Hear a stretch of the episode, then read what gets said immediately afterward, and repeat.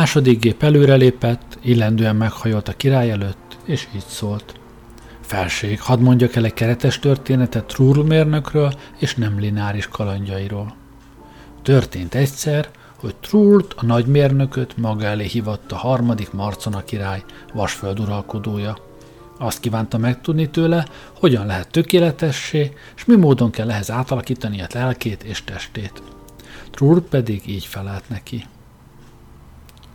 Történt egyszer, hogy Legária bolygóra érkezvén szokásom szerint megszálltam egy fogadóban, és elhatároztam, hogy addig el se hagyom szobámat, még úti könyveimben meg nem ismerkedem a legórok történelmével és szokásaival. Télidő volt, hóvihar dühöngött, rajtam kívül nem is volt vendég a komor épületben. Egyszerre csak hallom, hogy dörömbölnek a kapun.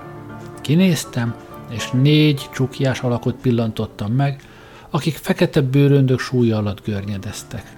Miután lerakodtak páncélos bricskájukról, betértek a fogadóba. Másnap délfelé a szomszéd szobából különös hangokat hallottam. Fütyörészést, kalapálást, hörgést, törött üvegcsörömpölését, de főként egy öblös basszus szakadatlan harsogását.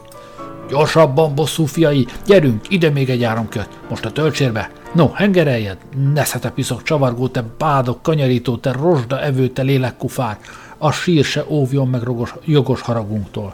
Gyerünk azzal a máli agyával, gülű szemeivel, No, most húzzátok az orrát. Gyerünk, húzzátok hosszabbra, hogy legyen minél megragadni a kivégzés alatt. Gyerünk azzal a fújtatóval, derék barátaim. Tegyétek az üllőre, és most rajta. Szegecseljétek azt az átkozott részhomlokát. Tovább, öcsém, úgy van, ez az. Ne lógasd azt a kalapácsot, hóruk! Húzzátok meg jól az ideghúzalokat, nehogy olyan gyorsan kinyiffanjon, mint a tegnapi. Hadd ízlelje meg alaposan a bosszunkat. Rajta, hollá, hóruk! És így harsogott, kiabált, bömbölt, Válaszul pedig csupán a szerszámok zörögtek, a fújtató surrogott, a kalapás csengett, bongott, aztán egyszer csak nagy hahotázás és diadalordítás tört ki négy torokból, jövés-menés zaját hallottam, majd a szomszéd ajtó nyikorgását. Kikukantottam a szobámból, láttam, amint a jövevények kilopóznak a folyosóra, és nem hittem a szememnek. Öten voltak. Mindannyian lementek a lépcsőn, bezárkóztak a pincébe, és sokáig ott maradtak. Aztán este felé visszajötte, már ismét csak négyen. És attól kezdve néma csend volt náluk. Visszaöltem a könyveimhez, ez a furcsa história szöget ütött a fejembe, és elhatároztam, hogy nem nyugszom, míg fel nem derítem. Másnap, ugyanabban a déli órában, ismét csengeni kezdtek a kalapácsok, sziszegett a fújtató, és felharsogott a hátborzongató basszus. Gyerünk, bosszú fiai, rajta derékszerelőim! Csavarjátok, de fürgén, öntsétek hozzá a protonokat. Gyorsan elő azt a himpelért, azt az okoskodó cenket, az akasztófára való perpétuális gazembert. Hadd ragadjam meg a nagy uborka orrát, és húzzam, nyúzzam, amíg meg nem gebed. Gyerünk azzal a fújtatóval. Aztán megint felhangzott a hahotázás és újongás, noha folytott hangon, megint kilopakodtak a szobájukból, és én ismét öt alakot számoltam meg, amikor lementek a pincébe, és négyet, mikor visszatértek. Látván, hogy csak itt találhatom meg a titok nyitját, lézerpisztolyt vettem magamhoz, és hajnaltájban leosontam a pincébe, de ott nem találtam más, csak megszenesedett, elgörbült, törött ócskavasat. Leültem hát a legsütített sarokba, elbújtam a szalma közé, és várakoztam. Déltájban lehallatszottak a már jól ismert zajok és kiáltások, majd egy óra múlva nyílt az ajtó, és a négy legór bevezette a húsba kötött ötödiket. Ez az ötödik, régies szabású málna piros zekét viselt, csipke gallérra, fején pedig tollas barétot. Arca kerek volt, orja, orra óriási, félelemtől eltorzult szája szüntelenül hebegett valamit. A legórók bereteszelték az ajtót, majd a legnagyobbik intésére durván kioldozták a foglyot kötelékeiből, és irgalmatlanul ütni-verni kezdték közben ilyeneket kiabálva. Nesze neked a boldog jövőért! Ezt meg itt a lét tökéletességért kapod. Ezt meg az élet rezedájáért. No még egyet a rózsa illatú szellemiségért. Neszete disznó az egyetemességi turbojáért. Ezt meg az altruisztikus közjóért. No még egyet a neoromantikáért. És őrjöngve ütötték, verték, úgy, hogy hamarosan el is pusztult volna, ha elő nem dugom a szalma alul a lézer, lézerpisztoly csövét, hogy tájékoztassam őket jelenlétemről. Mikor elengedték áldozatukat, megkérdeztem, miért kínozzák ezt a boldogtalant, aki se nem zsivány, se nem szélhámos, hiszen gallériáról és málna színű zekéjéről jól látom, hogy deákféle. A legórok reszkedtek dühükben, és sóvár pillantásokat vetettek az ajtó mellé dobott fegyverükre, de mikor ujjamat a ravaszra téve megfenyegettem őket, letettek támadó szándékukról, és könnyekükkel egymás bögdösve megkérték a legnagyobbikat, azt a harsány hangut, hogy szóljon nevükben. Tud meg idegen jövevény fordult hozzám az illető, hogy nem holmi szadiceusokkal, hóhérlegényekkel, vagy robot, vagy más efféle söpredékivel van dolgod. Bármilyen kevéssé előkelő helynek látszik ez a pince, hidd el, ami itt történik, feltétlenül szép és dicséretes dolog. Szép és dicséretes fakadtam ki. Miket beszélsz, hitvány legór, hiszen saját szememmel láttam, amint megrohantátok ezt az ártatlan málna színűt, és bízvás agyonvertétek volna. Csak úgy fröcskölt izületeitekből az olaj, úgy eldöngettétek boldogtalan, a boldogtalant. Ezt merészhelete dicséretesnek nevezni? Ha idegenséged minduntalan félbeszakít, felelte a basszus, semmit sem fog megtudni. Kérlek tehát szíveskedjen megzabalázni nyelvedet és elzárni szájkimenetedet, máskülönben soha ki nem elégítem elmédnek kíváncsiságát. Tudd meg, hogy nem hitványcenkekkel van dolgod, hanem főfizikoncokkal, jeles kibernászokkal, elektristákkal, egy szóval az én derék és nyalka tanítványaimmal, akik a legjobb fejek egész legáriában. Én ugyanis maga Vendettius professzor vagyok, az omnigenerikus rekreatisztika atya. Teljes nevem Benedictius Namegáj csak te az ember, ami úgy keletkezett, hogy keresztnevemet, vezetéknevemet és előneveimet és minden egyeteme, egyebemet a bosszúnak szenteltem.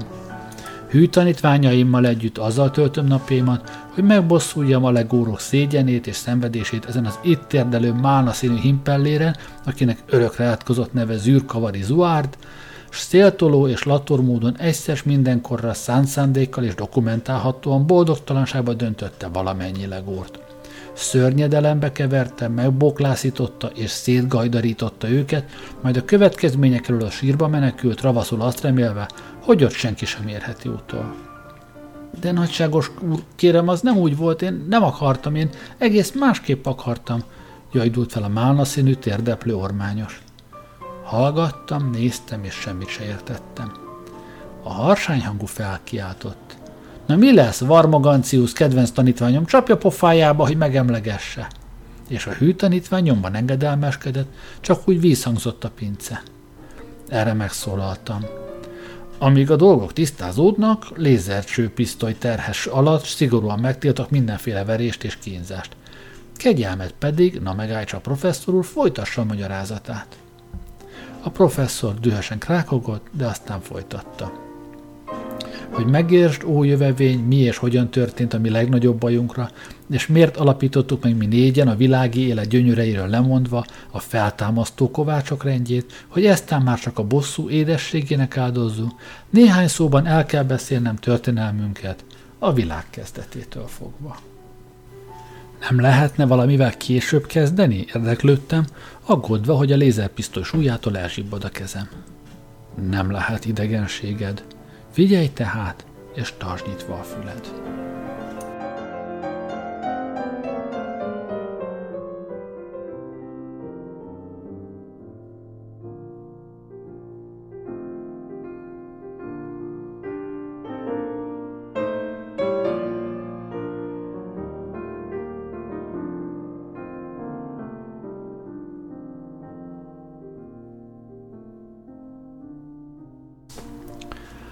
Mint tudod, vannak legendák bizonyos sápatagokról, akik lombikokban kogyvasztották a robotok népét, ám a bölcsek jól tudják, hogy mindez merő hazugság és népbutító mákony. Valójában a kezdet nem vala egyéb, mint a sötét köd, és a ködben volt a delej.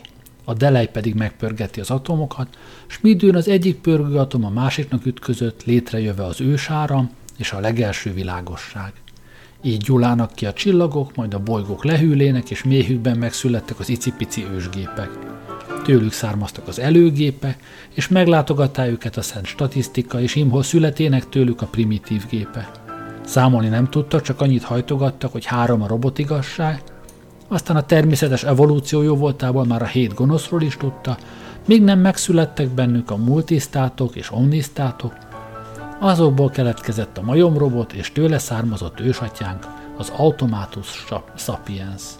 Ezután következtek a barlanglakó robotok, majd a nomádok, és amikor elszaporodtak, államok jöttek létre. Az ókori robotok arcuk verítékével, fáradtságos dörzsölgetéssel termelték az éltető áramot, később minden hűbérúna csatlósai voltak, azoknak pedig jobbágyai, és hierarchikus rendben dörzsölgették egymást végig a társadalmi ranglétrán. Aztán a kétkezi munkahelyét átvették a gépek, hála Barkács Gedeonnak, a Galvanika feltalálójának, majd Lin Frank Benjaminnak, a villámcsalogató atyának, így kezdődött az elemkorszak, kemény idők jártak a nincstelenekre, akik saját akkumulátor hiány szülkölködtek. Sorsuk az egektől függött, mert szép idő esetén nem fejthették meg a fel, fejhették meg a felhőket, és wattonként kellett a betevő áramot összekoldulniuk. Szomorú idők voltak, mert aki nem dörölte magát, vagy nem fejte a felhőket, nem sokára kimerült és nyomorúságosan elpusztult. Ekkor jelent meg a tudós képi pokolfajzat, az agyafúrt lázító, akinek ifjú korában a sátán beavatkozása jó voltából senki sem törte apró szilánkokra a fejét. Ez a sátánfajzat azt kezdte prédikálni, hogy a villamos kapcsolás hagyományos, vagyis párhuzamos módja nem ér semmit. Ezentúl az ő lázadó eszméjei szerint, vagyis sorba kell kapcsolni. Ha ugyanis a sorban az egyik megdörzsölt megdörzsöli magát, rögtön áramot kap a többi is, még a legtávolabbi is és így módon dús áramtól szikrázik majd minden robot, csak győzzék a biztosítói. A gaz népámító addig dicsérte tervét, addig regélt a küszöbön álló amper paradicsomról, míg végül is szétszerelték a régi párhuzamos kapcsolásokat, és bevezették az űrkavari féle elektrotechnikát. E szavak után a professzor néhányszor a falba verte a fejét, majd szemeit forgatva beszélt tovább, én pedig rájöttem, mitől van ennyi dudor a jeles tudós rendkívül göcsörtös homlokán. Ekkor az történt, hogy minden második robot kényelmesen leheveredett, mondván, minek dörzsölje, kén dörzsöljön a szomszéd. A szomszéd persze ugyanezt mondta, és a feszültséges és olyan fenyegető lett, hogy éber ellenőröket kellett mindenki mellé állítani, azok mellé pedig fő ellenőröket. Ekkor aztán előjött zűrkavari tanítványa, tévejétő Celestin, és azt tanácsolta, hogy mindenki egy másikat dörzsölgessen, ne önmagát. Majd Altricius Palinger következett a köldör, közdörzsöldék tervével, utána pedig agyafúrt Malakiás, a helyi masszás és klubok alapításának javaslatával. Nem sokkal ezután feltűnt egy új elektroteoretikus, Oberhohem Konrád, aki azt hirdette, hogy a felhőket nem fejni kell, hanem gyengéden csiklandozni, hogy áramot adjanak. Majd Leideni palack következett az önkiszolgáló töltődék eszméjével, utána semleges Voltofil azzal az ötlettel, hogy létesítsenek zenés árambárokat, továbbá Naná buzogány, aki csak azt javasolta, hogy dörzsölni kell mindent, amit lehet, akár erőszakkal is. Mindenben nézeteltérések zavargásokhoz vezettek, a zavarok összekoccanásokhoz, a koccanás kiátkozáshoz, a kiátkozás istenkáromláshoz, az istenkáromlás ahhoz, hogy egyből kirúgták tördelmi zarándot, a bádogok trónörökösét, és így tört ki a háború a részfejű kuprumok királysága és a hideghengereltek császársága között. És 38 évig tartott, aztán még 12 évig, mert a vége felé a romok között már nem lehetett megállapítani, hogy ki győzött, és ezért megint előről kezdték. Így módon tehát a tűzvészt és sírhantot, általános áramhiányt, a voltózist, devattizációt, az éltető feszültség teljes lecsökkenését, vagyis, mint a nép nevezte, a zűrt, mind ez az átkozott zűrkavari okozta sátáni ötletével.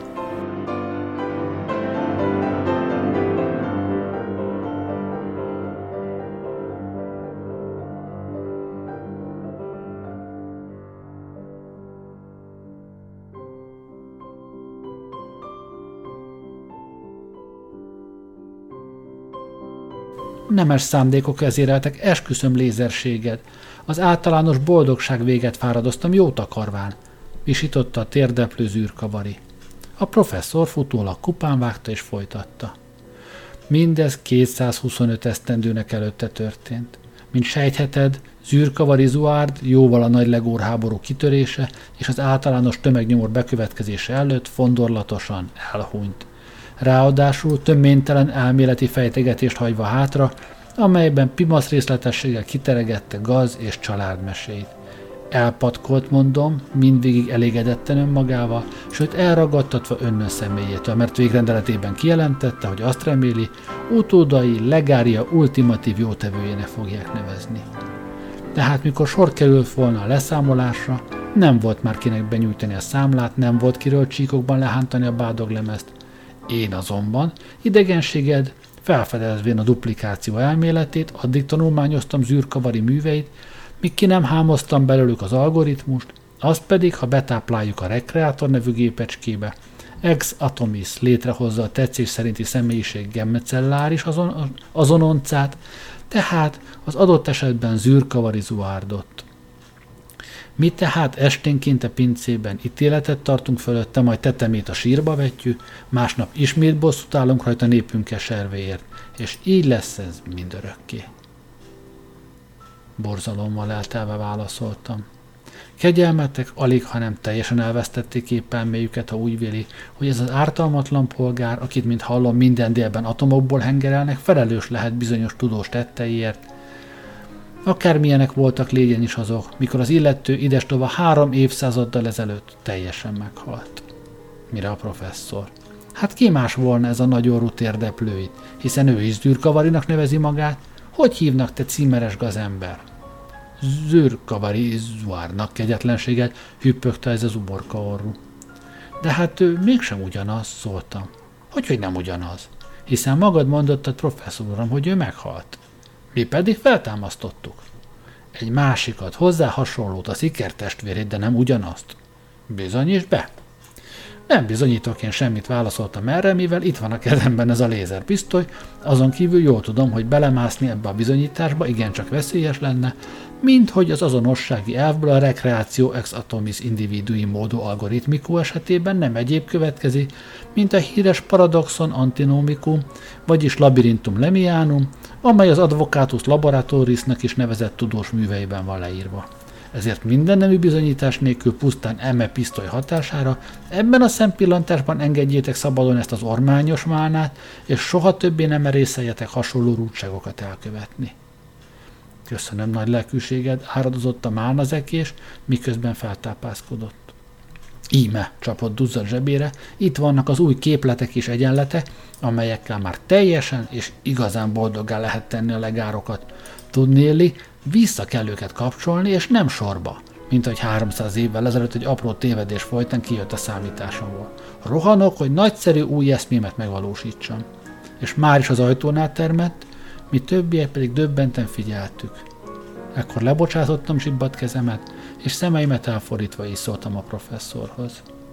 Visszavonom szavaimat, tedd, ami a dolgod. A négy legór halkan felhördülve zűrkavari felé ugrott, nekiestek és addig foglalatoskodtak vele, míg nem volt többi a világon. Ekkor felsóhajtottak, fejükre húzták a csukjájukat, megigazították a nagy fáradozásban félrecsúszott ruházatukat, hűvösen biccentettek felém, s libasorban kivonultak a pincéből, én pedig egyedül maradtam, a nehéz lézerpisztoly szorongatva, s mélebú és döbbenet gomolygott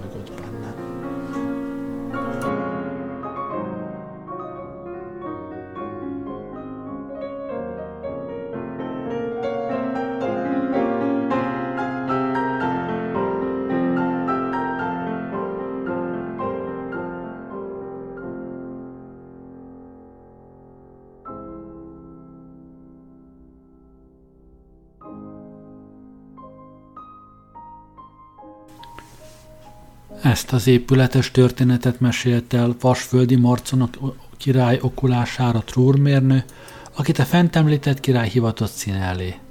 Mikor pedig az uralkodó további magyarázatot követett a nem lineáris perfekcionálás ügyében, Trúr így szólt. Cembália bolygón járván láttam, milyen következményekre vezethet a tökéletesítési vágytól ihletett tevékenység. A cembálok régtől fogva más nevet hívtak ki maguknak, mégpedig a hedofág vagy gyönyörfaló nevet, de röviden és egyszerűen csak boldogoknak is hívták őket. Mikor hozzájuk érkeztem, éppen a bőségkorszakban éltek, Minden cembál, vagyis boldog, saját palotájában éldegélt, melyet automatinkája épített neki. Így nevezik ugyanis a rabszolganőiket.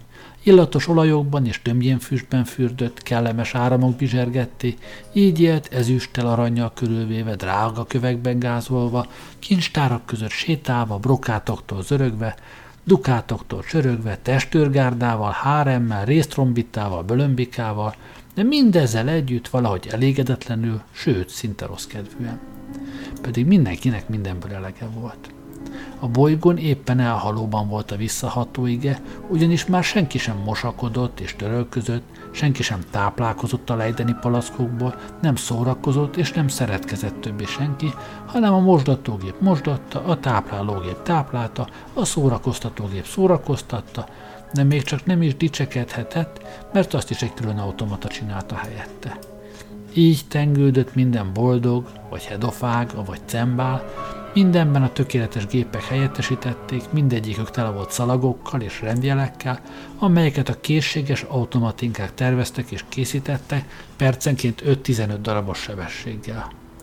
Minden boldog körül számtalan aranygépecske nyüzsgött, illatosította, fényesítette, gyengéden rákacsintott, fülébe suttogott, térdétől elte, lábához hullott, és szakadatlanul csókolta, ahol csak érte, így kóvágott a boldog, avagy hedofág, avagy cembál, magányosan az óriási főgyár távoli monajában, amely az egész láthatár mentén végigvonul, éjjel-nappal termelt, a futószalagok ontották az aranytrónusokat, ezüst toronyórákat, gyöngyel hímzett parterlikat és papucsokat, csiklandozó gépecskéket, jogarokat, országalmákat, hintókat és várojtokat, gépzongorát, jazzorgonát, meg millió egyéb örömszerző eszközt és csodát.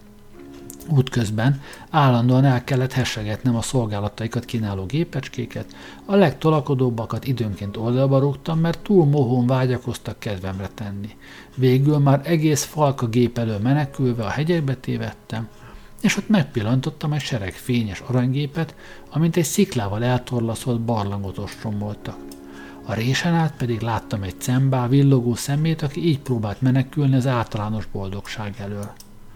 Mikor a gépek megláttak, rögtön legyezni és masszírozni kezdtek, fülembe meséket suttogtak, kezeimet csókolgatták, trónokat kínáltak fel, és csak úgy sikerült megmenekülnem, hogy a barlangban rejtőző boldog elmozdította a szikláját és bebocsátott.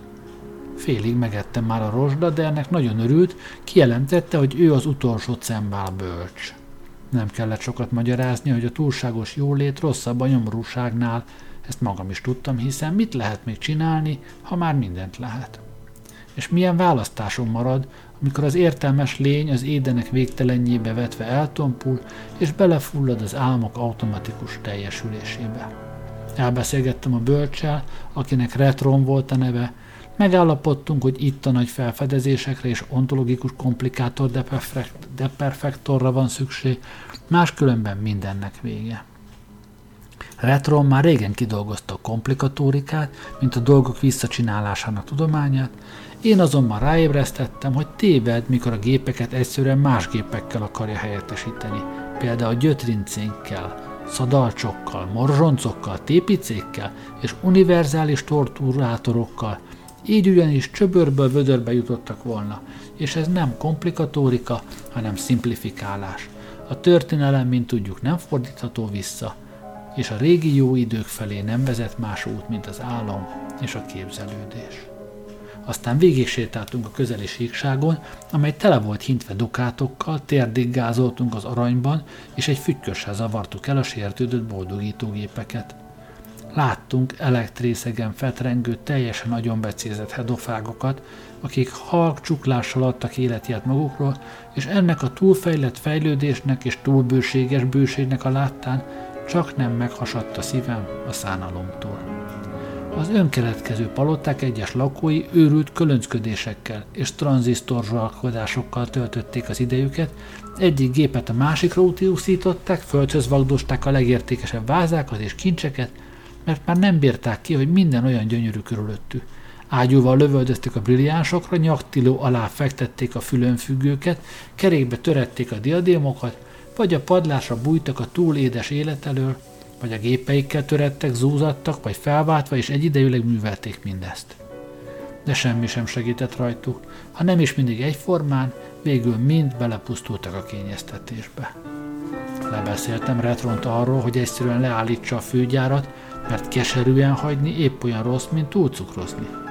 Ő azonban nem hallgatott rá, és ahelyett, hogy nekiült volna tisztességesen kidolgozni az ontológikus komplikatórikát, elkezdte felrobbantani az automatinkákat.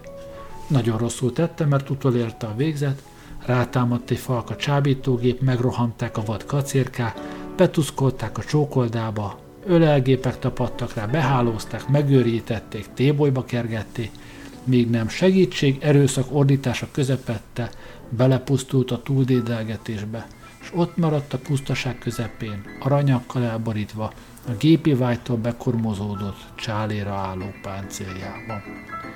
Így járt a bölcs, aki nem volt eléggé bölcs. Ó király, fejezte be történetét Trúr, de Marcona királyt ez a história sem elégítette ki.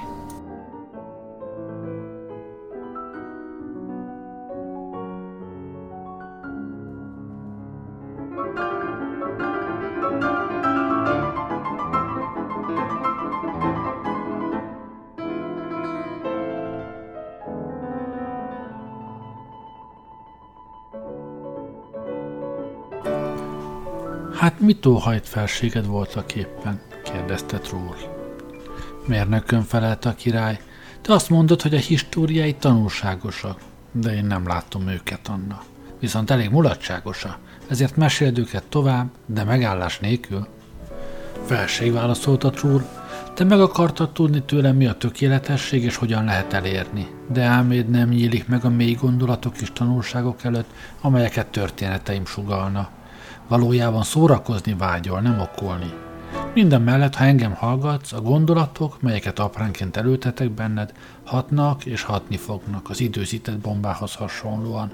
Ebben a reményben hadd beszéljek el neked egy majdnem igaz, szövevényes és rendkívüli történetet. Talán koronatanácsod is haszonnal hallgatja meg. Hallgassátok meg, uraim, a nagy csavar király történetét, akit bujasága vitt a vesztébe. Csavar király a nagy meneti nemzetségből származott, amely két ágra oszlik, a jobb menetűekre és a bal menetűekre, akiket balemelkedésűeknek is neveznek. Az utóbbia, mivel a jobb menetűek kiakabolították őket a hatalomból, áldász gyűlölettel viseltettek uralkodó rokonaik iránt.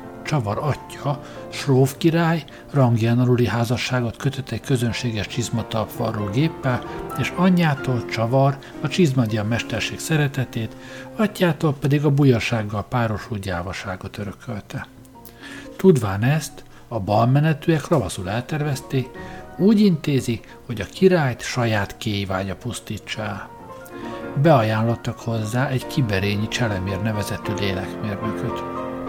Csavar nagyon megkedvelte, és kinevezte udvari főtudornak.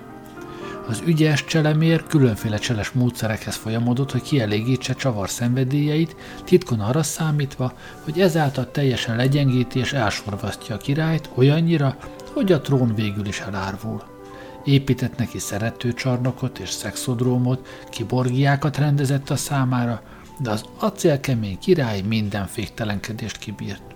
A balmenetűek így már türelmetlenül követelték, hogy megbizotjuk, mielőbb érje el az óhajtott célt a lehető legármányosabb eszközökkel. Tegyem zárlatosra a királyt, kérdezte tőlük Cselemér a palota pincéjében tartott titkos tanácskozáson. Vagy mágnesezzem szét a memóriáját, hogy nyomban megőrüljön? Soha, felették a cselszövő, ne bennünket terheljen a király pusztulása, saját bujasága ölje meg a királyt, nem mi? Jól van, ígérte Cselemér, akkor majd álmokból fonok neki hálót, felajzom a csalétekkel, hogy ráharapjon és megízlelje, aztán már maga hajszolja majd a képzelt mámort, és ha egyszer betévett az álmok csapdájába, úgy elkapom, hogy soha többé fel nem ébred.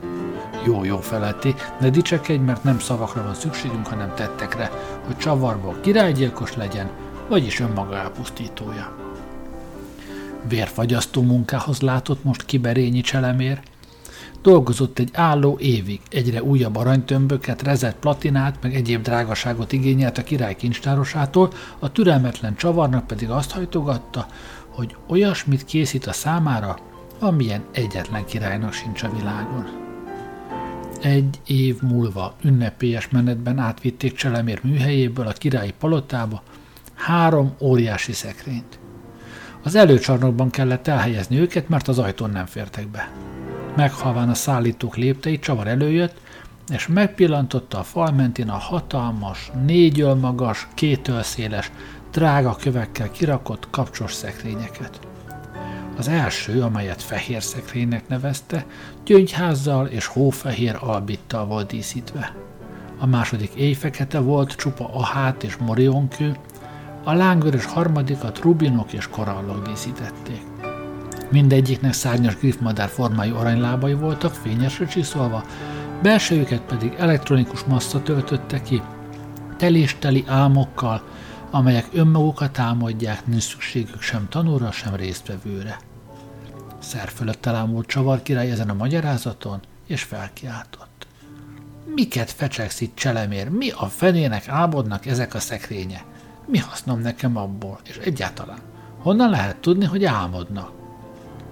Ekkor cselemér, alázatosan meghajolva megmutatta a szekrény falán húzódó függőleges lyuksort, gyöngyház táblácskákkal, amelyeken a király hüledezve olvasta. Háborús álom várurakkal és várurnökkel. Álom az ifító vízről. Álom firtán lovagról és a szép ramoldáról, heterik lányáról. Dévajka királylány nyoszoljája. Ágyú lőpor és golyó nélkül. Salto erotále, avagy az amorisztikus akrobaták. Édes enyelgés a gyöngét polipka nyolc karjaiban.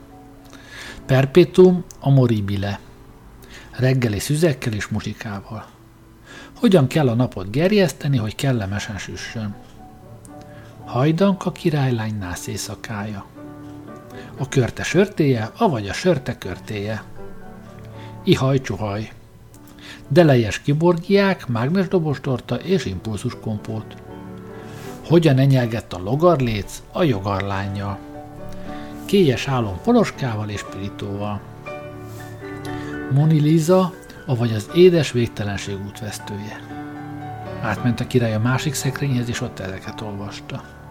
Játékos álmocskák, majd bitócska kötelecske, klopstock és a kritikusok, a kaján kujon kalandjai, cin-cin cillárom, és így tovább.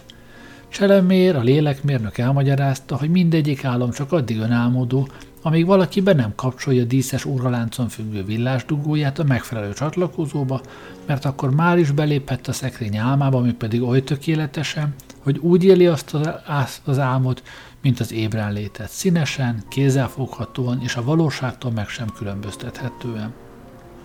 Kíváncsi lett Csavar király, fogta az óralánc végén csüngő villásdugót, és bedugta a fehér szekrénynek abba a csatlakozójában, melyen ez a felirat szerepelt. Reggeli, szüzekkel és muzsikával. Alig kapcsolta be magát, egyszerre csak érzi ám, hogy hátát pikkelyek borítják el, hatalmas szárnyai nőnek, kezelába karmos mancsá váli, hadsor taréja lékes pofájából kénkő, kénkő füst árad. Égtelenül elcsodálkozott, köhinteni akart, de mennydörgő bömböl hangzott fel a torkából. Még jobban elámult, szemét tágabbra nyitotta, lánguló lehelletével belevilágított a sötétségbe, és látja ám, hogy a salátazöld függönyös hordágyakon éppen szüzeket hozna, mindegyiken négyet, de olyan illatosak, hogy összefolyt a nyál a szájában. Az asztalon már ott volt a teríté, só, paprika, bors, ecet olaj, megnyalta hát a szája szélét, kényelmesen leült, és sorra kihámozta a szüzeket a hordágyakból, mint a dióta héjából. Egészen elfátyorosodott a szem a gyönyörűségtől, az utolsó szűz különösen omlós és ízletes volt. Csámcsogva fogyasztotta el, majd megsimogatta a hasát, és éppen repetát akart kérni, de akkor hirtelen felébredt. Körülnéz, ott áll a palota előcsarnokában Cselemér főtudor mellett, a drága kövekkelékes önálmodó szekrények előtt. Ízlettek a szüzek? érdeklődött Cselemér. Ízlettek, de hol a musika? Sajnos elromlott a szekrényben az enlélő óra, mentegetőzött a főtudor. Kegyeskedjék, felseged egy másik zamatos álmot kipróbálni. A király szívesen ráállt, de most a fekete szekrényhez ment, és bekapcsolta magát a Firtán lovag és a szép Ramolda heterik leánya című álomba. Körülnéz, és látja, hogy a romantó elektrikus korba került. Tetőtől talpig páncélosan áldogál egy nyírfaligetben, előtte hever egy frissen legyőzött sárkány, távolabb tölgyfák susogna, szellő fújdogál és patak csörgedez. Megnézte magát a víztükörben, s rögtön látta, hogy ő maga firtán a nagy feszültségű lovag a páratlan vitéz. A lovakkor egész története páncéljára volt írva. Sisakja rostéját Morbidor herceg görbítötte meg hatálos görsbe szorult öklével, miután ő legyőzte, lábvértjének csatját Szilaj Henrik törte össze, melvasát a haldokló vasfogú tódor harapta szét, válpáncélja a legyőzött rémes Svetozár kardjának nyomát viselte, könyökvédőjén és páncélingén is viadalok emlékei. Pajzsára pillantott, tele volt tűznyilak égett nyomaival. Háta viszont sértetlen volt, mert még senkinek sem fordított hátat a viadalban. Mindez azonban őszintén szólva nem nagyon érdekelte, mert fütyült a harci dicsőségre. Viszont eszébe jutott Ramolda, tehát lóra pattant, és álomszerte keresni kezdte. El is jutott hetedik fejedelemnek a leányzó atyának várához, dobogott a felvonó híd a lópatája alatt, s maga a herceg jött elébe kitárt karokkal, hogy üdvözölje és házába vezesse. Sietett volna a rovag lamoldához, de hát nem illik ajtóstól rontani a házba. Az ak fejedelem elújságolta, hogy külhoni lovag vendégeskedik a házban, a polimér nemzetségből való híres Vinidur, a mestervívó, akinek egyetlen vágya, hogy megvívjon Firtánnal. Meg is jelent a hajlékony fürge Vinidur, hozzálépett és így szólt. Tud meg lovag, hogy szívem a nagy feszültségű, higanycsípejű, mágneses pillantású ramoldára vágyi, akinek keblénél szebbet a gyémán sem rajzol. A te jegyesed ugyan, de én életre halára szóló viadalra hívrak, dönts el a kard, melyikünk lesz a férje. És elébe vetette fehér nejlon kesztyűjét.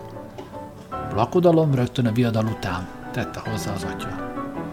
Kérem, ezen nem újjék, szólt firtán, Csavar pedig azt gondolta magában, a lakodalom után meg majd felébredek, aztán mire jó az egész? Az ördög hozta ide ezt a vinidúrt.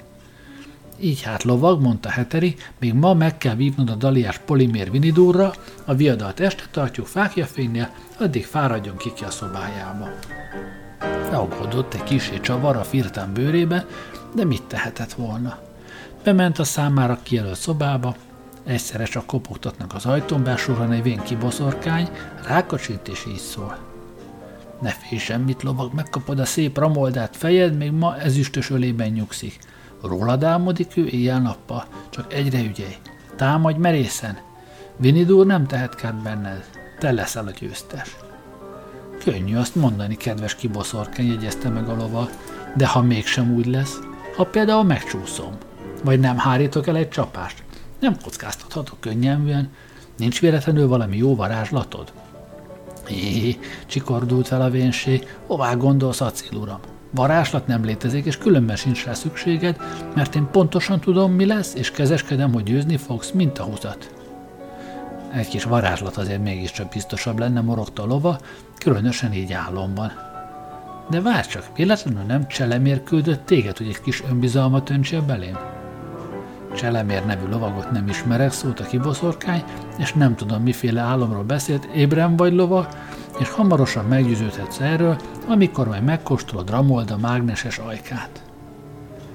Különös, dünnyögte csavar, és már oda sem figyelt, amikor a kiboszorkány kisurrant a szobából épp oly halkan, mint ahogy bejött. Hogy ez nem álom? Pedig én azt hittem. Azt mondja, ébren vagyok. Hm. Nehéz eldönteni, minden esetre még óvatosabbnak kell lennem és már is felharsannak a kürtök, vértesek léptei döngenek, a kerengő megtelik udvari népséggel, és mindenki a bajvívókat várja. Jő is firtán, kisé remegő térdekkel, látja, milyen édesen pillant rá a csodás ramolda, ám egyelőre alig érdeklik az ígéretes pillantások. Vinidur is kilép a fákja fényes udvar közepére, és pengve összecsapnak a kardok. Csavar most már nagyon megijed, és elhatározza, hogy mindenáron felébred, erőlködik, de nem engedi a nehéz páncél, fogva tartja az álomkelepce, az ellenség pedig támad. Egyre gyorsabban villognak a pengék, csavar karja már gyengül, mikor egyszer csak felordít a másik bajnok, és felmutatja törött kardját. Firtán lovag rá akarja vetni magát, de a másik kirohan a letaposott bajvívó körből, Az apródok új kardot adnak a kezébe, és ebben a pillanatban látja Firtán, hogy a nézők közül feléje súran a vén kiboszorkány, és fülébe súgja. lovag, mikor a felvonóhíd nyitott kapuja előtt leszte, Vinidur elejti kardját, te pedig sújtsál le bátran, ez lesz a győzelmet perce. Így suttog és eltűni, az ellenség pedig már jön is az új karddal. Folyik a harc, Vinidur úgy vív, mint a cséphadaró, de már gyengül, lassul a karja, nem is védi magát, itt a kedvező pillanat, de Vinidur kezében még ott villog és rémít a kard, csavar, tehát összeszedi minden erejét, és azt gondolja, kell a fenének ez a ramolda minden bájával együtt. Azzal hátat fordít és kirohan az sötét éjszakába a felvonó hídon, csak úgy dübörög lába alatt a deszka. Beveszi magát az erdőbe, háta mögött üldözők lármáját hallja, csúfos és fenyegető kiáltások szállnak utána, futtában egy fának rohan, beveri a fejét, hogy a csillagokat látja, hunyorog néhányat, és lám, ott áll a palota előcsarnokában, a fekete önálmodó szekrény előtt, mellette pedig cselemmér a lélekmérnök görbén mosolyogva. Ezzel a mosolya mélységes csalódását leplezte, a Ramolda állam ugyanis csapda volt a királyna. Ha csavar hallgat a vén kiboszorkány tanácsára, Vinidur, aki a gyengülés csupán szillelte, a nyitott kapuban egyből keresztül döfte volna. A király csak rendkívüli gyávaságának köszönhette, hogy elkerülte ezt a csúfos véget. Kellemes volt Ramoldával? Érdeklődik Cselemér. Hogyan? Ott hagytam mennem a zsánerem, morogja csavar. Azon kívül még valami hülye verekedés is volt. Fegyvermentes és csatamentes álmokat kívánok. Érted? Ahogy felséget parancsolja, ha jól meg az álnok, válasz uram, valamennyi álomban csupa gyönyörűség vár rád.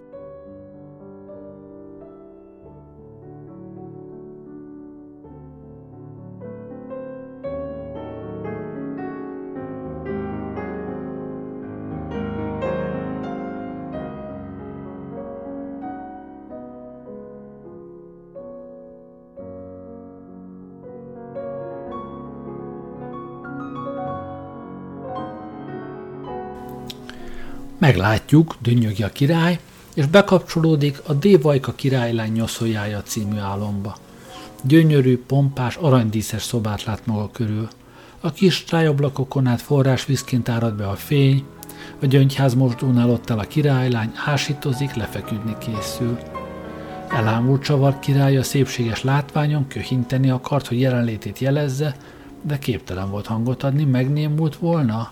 Szájához akart nyúlni, de nem sikerült, lábát mozdította volna, de nem bírta. Nagyon megrémült, körülnézett, hova ülhetne le, mert egészen elgyengült a nagy ijedelemtől, és leülni is képtelen volt. A királylánya közben még egy pára társított, és amint lehuppant az ágyára, Csavar király nagyot recsent, mert ő maga volt Dévajka király lenyoszójája. A leányzott bizonyára nyugtalan álmok gyötörték, mert állandóan forgolódott, öklévet csépelte, lábacskájával rugdosta a királyt. A nyoszolja végül is szörnyen megdühödött, összeszedte erejét és nagyot rántott magán, az eresztikek meglazultak, a lábai négy felé csúszta, a királylány nagy recsegés közepette a padlóra pottyant, a király pedig felébredt a zuhanástól, és látja, hogy megint ott van palotája előcsarnokában, mellette pedig az alázatosan hajlongó kiberényi cselemér. Te gazember, förmedre a király, mit merészesz? Micsoda disznóság ez? Másnak legyek az ágya, ne én feküdjek benne, te korcs! Megijedt cselemér a király dühétől, és alázatosan kérlelte, hogy kegyeskedjék egy király egy másik álmot kipróbálni. Addig mentegetőzött és magyarázkodott, míg csavar végül is megbékélt, fogta a dugót, és bekapcsolódott az Édes enyág és a gyöngét polipka nyolc karjában című álomba. Körülnéz, bámészkodókat lát maga körül egy nagy téren.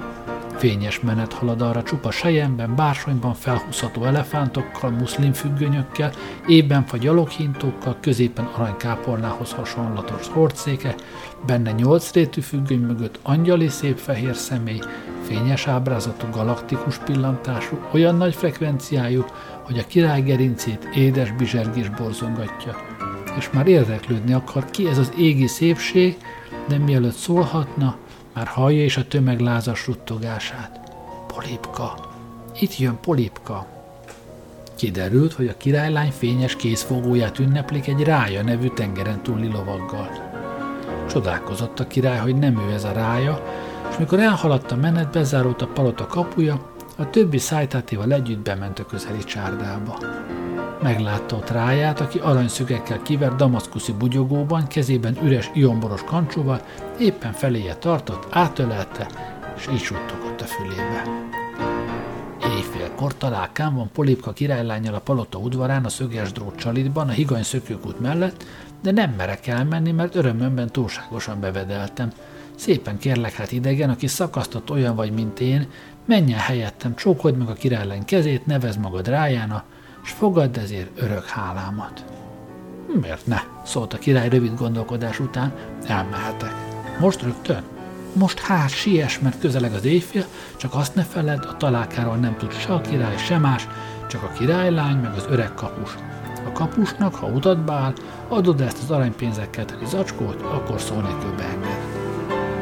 Bólintott a király, fogta a pénzérzacskót és sietett a palotába, mert az órák vasbagoly hangjukon éppen éjfelet huhogtak.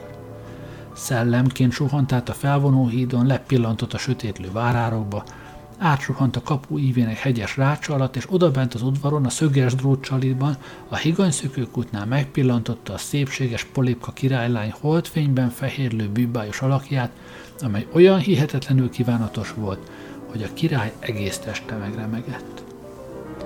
Látván a király remegését és kélyes ábrázatát a palota előcsarnokában, Cselemér halkan felkacagott és kezét dörzsögette, mert úgy vélte, hogy a király veszte immár biztos.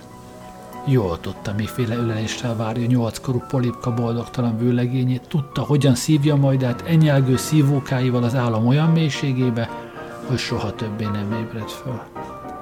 Ekközben a királylány ölelésére sóvárgó csavar végigosont a fal mentén, a kerengő árnyékában, a holdfényben függő, fürdő angyali jelenség felé, egyszerre csak előtte termett az öreg kapus, és alapárgyával elállta az utat. A király Elővette a pénzerzacskót, de megérezte, hogy milyen nehéz, és sajnálni kezdte a sok csengő dukátot.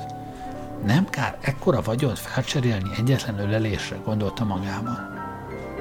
Adok két dukátot, ha beengedsz, szólt az zacskót bontogatva. Tizet kérek, felelte a kapus.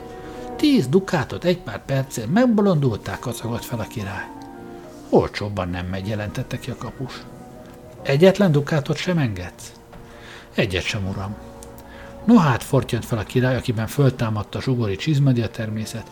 Micsoda pimasság, egy fillér se kapsz, te barom. Erre a kapus új kupán vágta alabárgyával, hogy csavarnak megkondult a feje, aztán sarkon fordult, és a kerengőn, az udvaron, a felvonó hídon, meg az egész álmon keresztül kirohant, egyenesen a semmibe, hogy a következő másodpercben cselemér oldalán az álomszekrény előtt nyissa ki a szemét. Kiberényének leesett az álla, hiszen már másodszor járt így. Először a király gyávasága, másodszor a fukarsága miatt mondott csütörtököt a tervet. De jó arcot vágott a rossz játékhoz, és tovább könyörgött a királyna, hogy próbálkozzék más álmokkal. thank you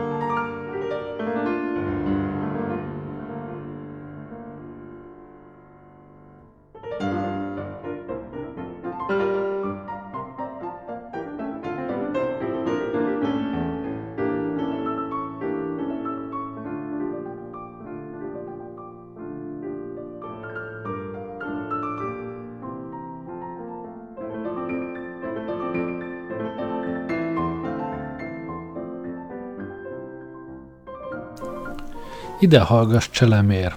Túl sokat kell futni a nők után ezekben az álmokban, jegyezte meg a király.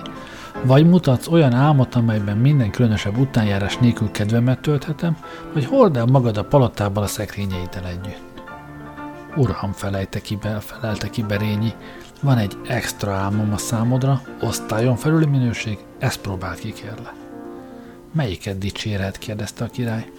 Ezt, uram, mutatott a főtudor a gyöngyház tábla eme feliratára. Mona Lisa, vagy az édes védtelenség útvesztője. És ő maga ragadta meg a király óraláncon függő villásdugóját, hogy mielőbb bekapcsolja, mert látta, hogy rosszul áll a szénája. Várj, mondta a király, majd én, és bekapcsolta magát. Belép az álomba, és látja, hogy továbbra is ő maga az, csavar, ott áll a palota előcsarnokában, mellette Kiberényi Cselemér, aki éppen azt magyarázza, hogy a legkélyesebb álom a Mona Lisa című, mert abban a női nem végtelensége érződik.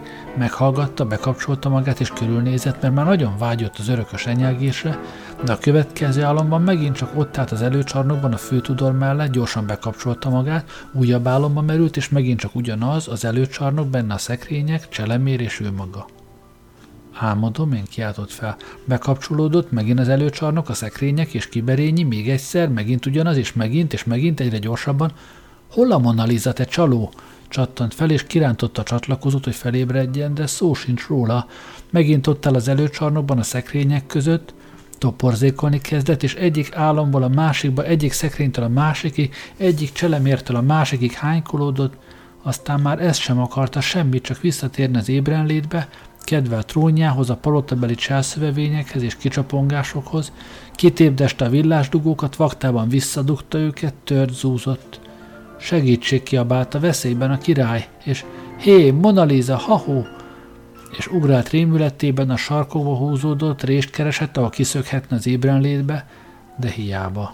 Nem tudta, miért van mindez, mert túl izgatott volt, de ezúttal sem a tompaság, sem a gyávaság, sem a hitvány kapcsiság nem menthette meg – Túl sok álomba keveredett, már túl sok álom vette körül szoros gubójával, hiába szakított fel egyet-kettőt vadul kapálózva, semmit sem ért el, mert csak a szomszéd álomba jutott, és amikor kirángatta a villás dugókat a szekrényekből, mindez csak álom volt, amikor leütötte a mellett álló cselemért, ő is álomképnek bizonyult, rohangászni és futkosni kezdett csavar, de sehol sem talált egyebet, csak álmokat és álmokat, az ajtófélfa, a márványpadló, az aranyhímes függöny, a csillár, a trónus, végül ő maga is, minden csak álom, látszat és délibáb volt. Fuldokolni kezdett ebben az álommocsárban, eltévedt az útvesztőben, még kapálódzott és rugdalódzott, de hiába, hiszen az álombeli rúgás és kapálódzás is csak álom. Nagyon verte cselemér, de hiába, mert nem ébrentette, Ordított, de igazi hangot nem bírt adni, és amikor szédülve és összezavarodva egy bizonyos pillanatban csak ugyan az ébren létre ocsudott fel, nem tudta már megkülönböztetni az álmoktól, tehát bedugott egy villásdugót, és visszamerült az álomba, és eldőlt a sorsa. Hiába próbált már felébredni, nem tudta ugyanis, hogy a Mona Lisa nem más, mint a monarcholízis, vagyis királyfeloldás szó sátani rövidítése és ez volt az álnok cselemér összes csapdái között a legalattomosabb. Ezt az épületes és hátborzongató történetet mondta el Trúr, Marcona királyna, de annak megfájdult tőle a feje, ezért sürgősen hazaküldte a mérnököt, kitüntetve őt a Szent Kibernát rendel, amelynek címere zöldmezőben lila visszacsatolás és aranyinformáció. De szavak után a második mesélőgép dalamosan bekapcsolta leállító berendezését, furcsán felkacagolt, mert némelyik tranzisztora kicsit túlmelegedett, csökkentette magában az anót feszültséget, aztán kikapcsolt és visszament a gyaloghintóhoz általános taps közepette, melyet ékes szólásával és elbeszélő tehetségével méltán kiérdemelt.